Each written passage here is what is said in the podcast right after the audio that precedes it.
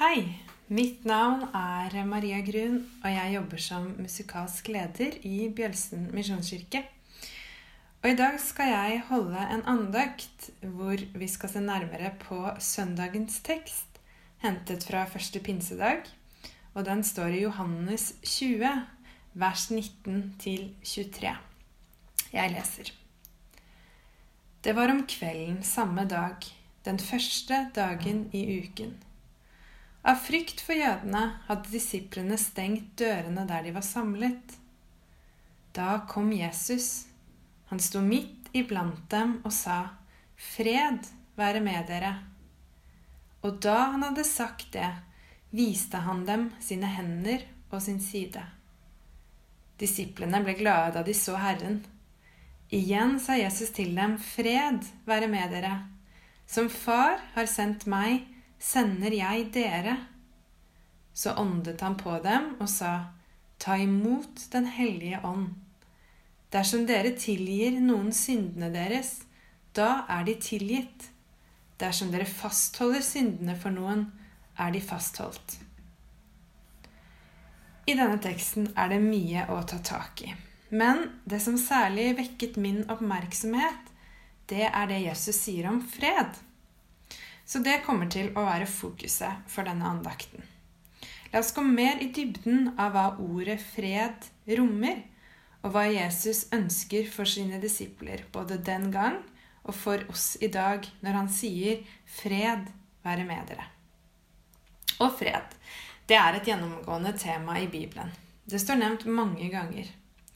Og I det følgende så ønsker jeg å trekke frem tre perspektiver ved ordet fred med bibelteksten vi har lest, som bakteppe. For det første det er kalt for fredshilsen.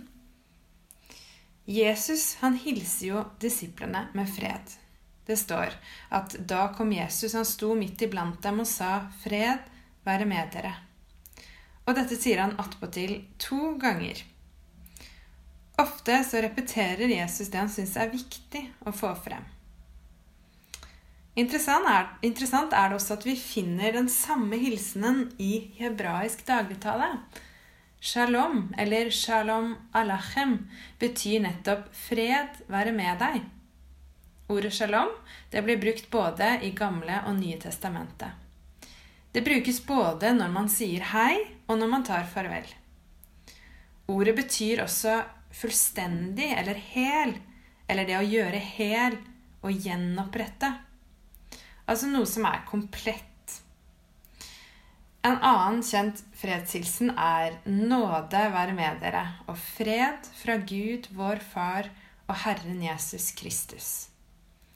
Dette er Paulus sin hilsen i de aller fleste av brevene han skrev, eller som ble skrevet. Og det er også denne hilsen man bruker i kirker over hele verden den dag i dag. Vi hilser hverandre også i mange kirker med Kristi eller Guds fred ved øyekontakt og et håndtrykk. Og da tenker jeg at når denne formuleringen 'Fred være med dere', shalom, brukes som en første hilsen, så må det understreke noe viktig. Noe man vil betone, påpeke, få frem. Og så punkt to. Den dype fred som tar vekk uroen. Disiplene var fylt av uro. Det står i teksten at av frykt for jødene hadde disiplene stengt dørene der de var samlet. Hva er så konteksten her? Jo, denne hendelsen finner sted rett etter påske. Og så er det viktig å påpeke at når det står jøder, så er det ikke snakk om alle jøder. Jesus var jo jøde i likhet med disiplene. Her er det ment de jødene som ikke trodde på Jesus som Messias, altså Guds utvalgte sønn. De jødene som ropte til Pontus Pilatus 'korsfest', det er disse som disiplene frykter. Og i lys av påskens store hendelser så skjer det noe helt fantastisk. Freden med Gud, den muliggjøres etter korsfestelsen og oppstandelsen. Noe gjenopprettes som fører til en dyp fred mellom Gud og menneske. Denne dype freden den kommer også frem i et bibelvers eh, fra Paulus sitt brev til menigheten i Filippi. Der står det Guds fred, som overgår all forstand, skal bevare deres hjerter og tanker i Kristus Jesus. Guds fred må jo være dyp hvis det er slik at den overgår all vår evne til å forstå eller tenke.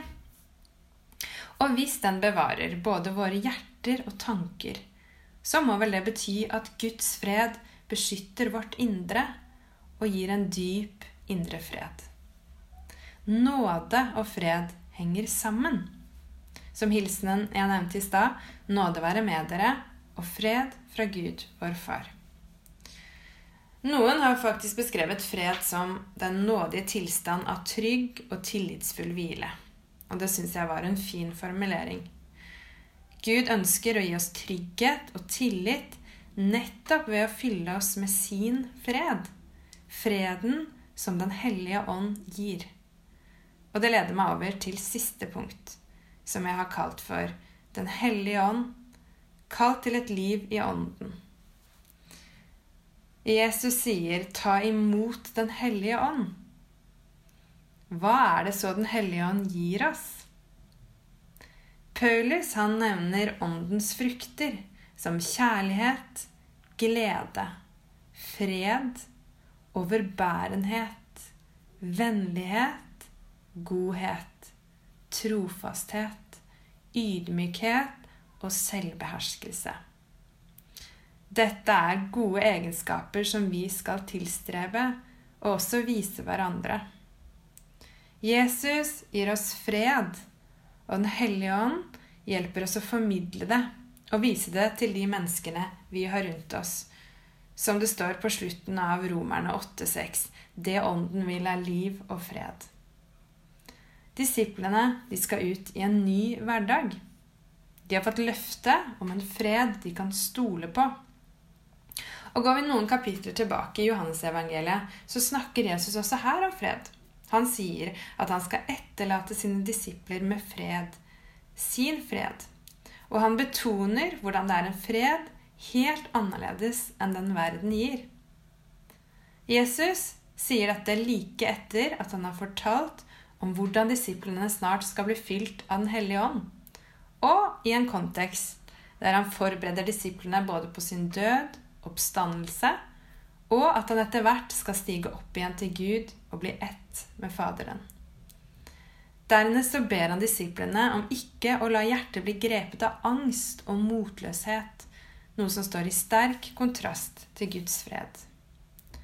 Fred etterlater jeg dere, ikke den fred som verden gir, sier Jesus til disiplene. Jesus lover her en helt unik fred. Den hellige ånd gir oss denne freden når vi lar oss fylle med åndens gode frukter. Freden fordrer tillit. Tillit til at Guds løfter er pålitelige og sanne. Tillit til at Den hellige ånd vil fylle oss med denne freden. Og så er disiplene kalt til å skape fred i tråd med Jesu ord. Salige er de som skaper fred for de skal kalles Guds barn.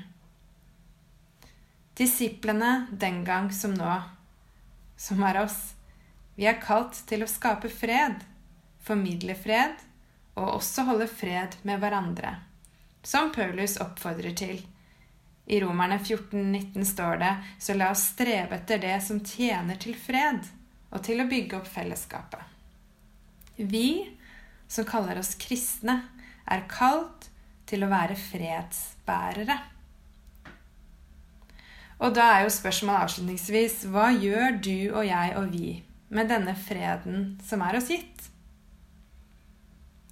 Min bønn er at du, at jeg, at vi, i likhet med Jesus, må fremme fred ved å vise mer av hvem Jesus, fredsfyrsten, er i måten vi møter hverandre og mennesker på.